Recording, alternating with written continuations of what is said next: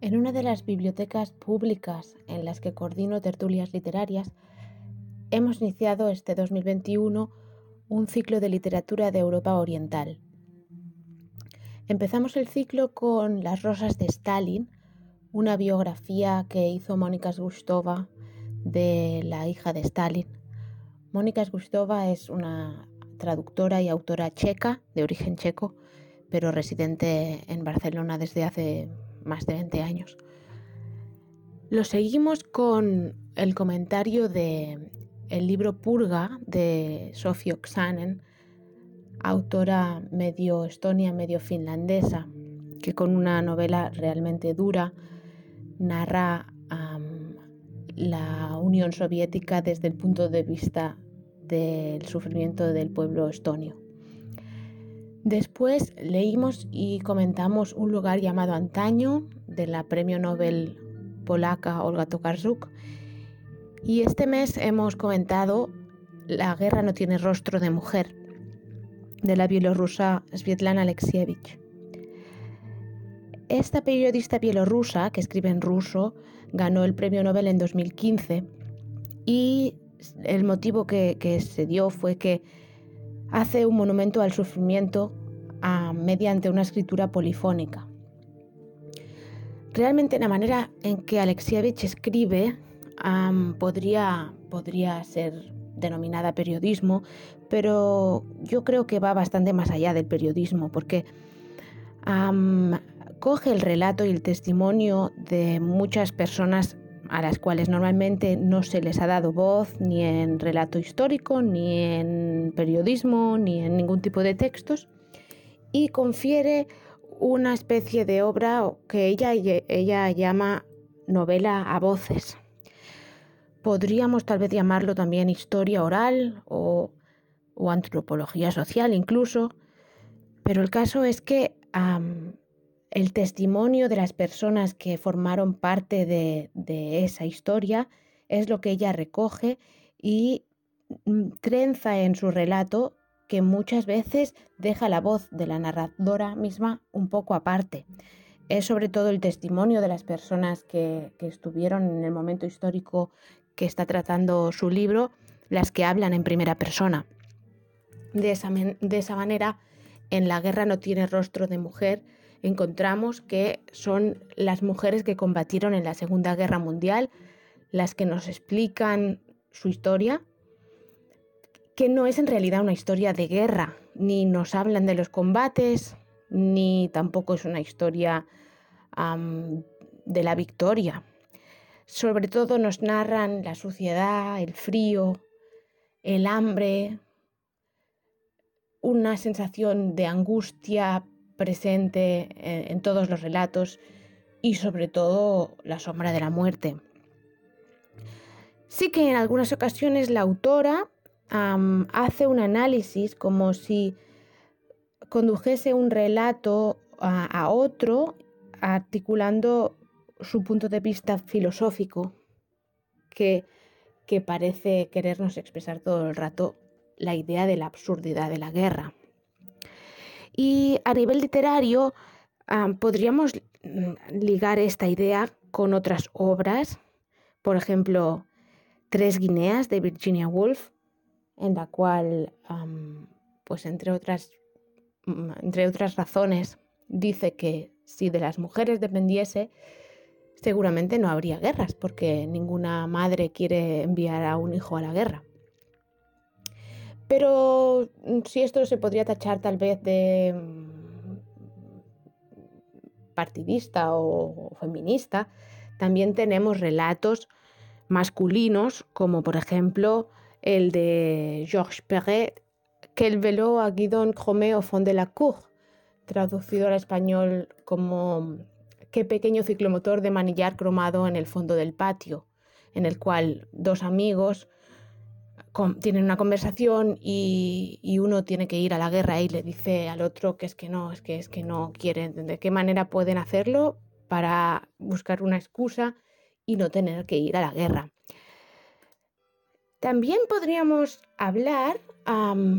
de literatura, aunque esta vez en, formato canción, como esta que estamos oyendo ahora, Le Deserteur de Boris Vian, en la cual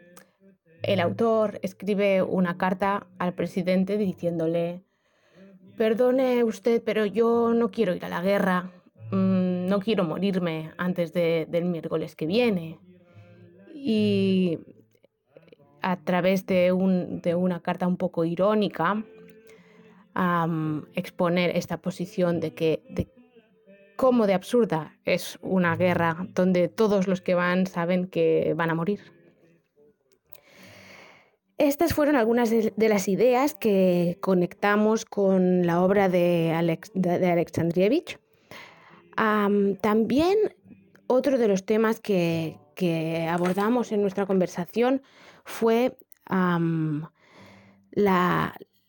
idea de que en una guerra la realidad es, que se va a matar y se va a morir. Algunas de las voces se encargan de, recordarnos que lo que ellas aprendieron a, través de una experiencia que realmente era de, primero, de perder la identidad, porque desde el momento que llegaban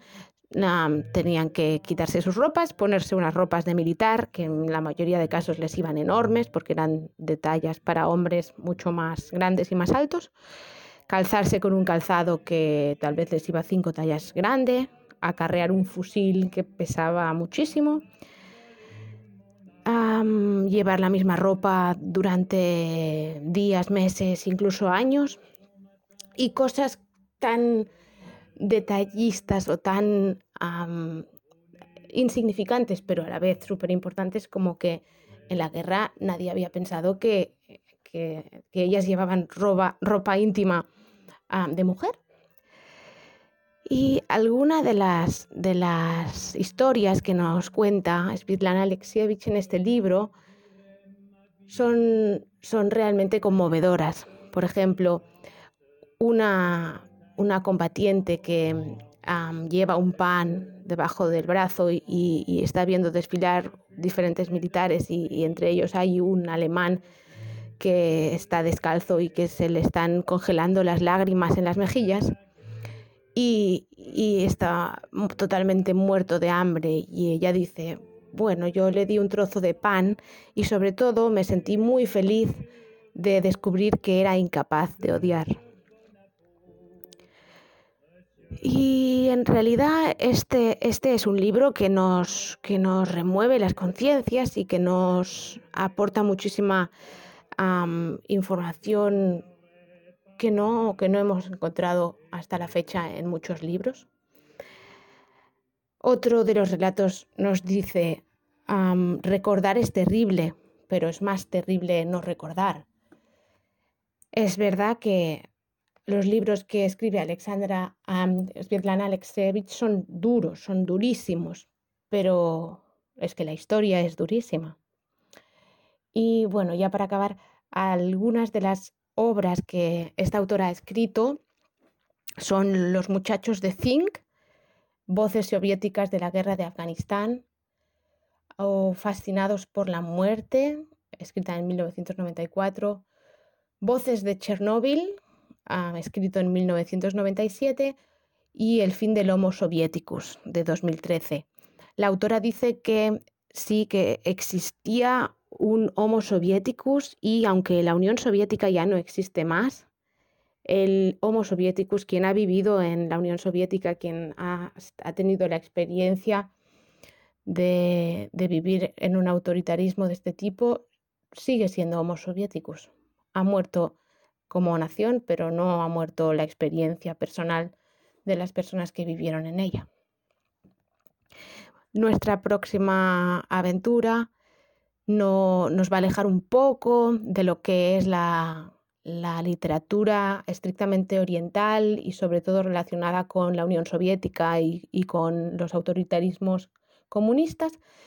pero no del todo, porque es La Puerta de Magda Szabo, autora húngara.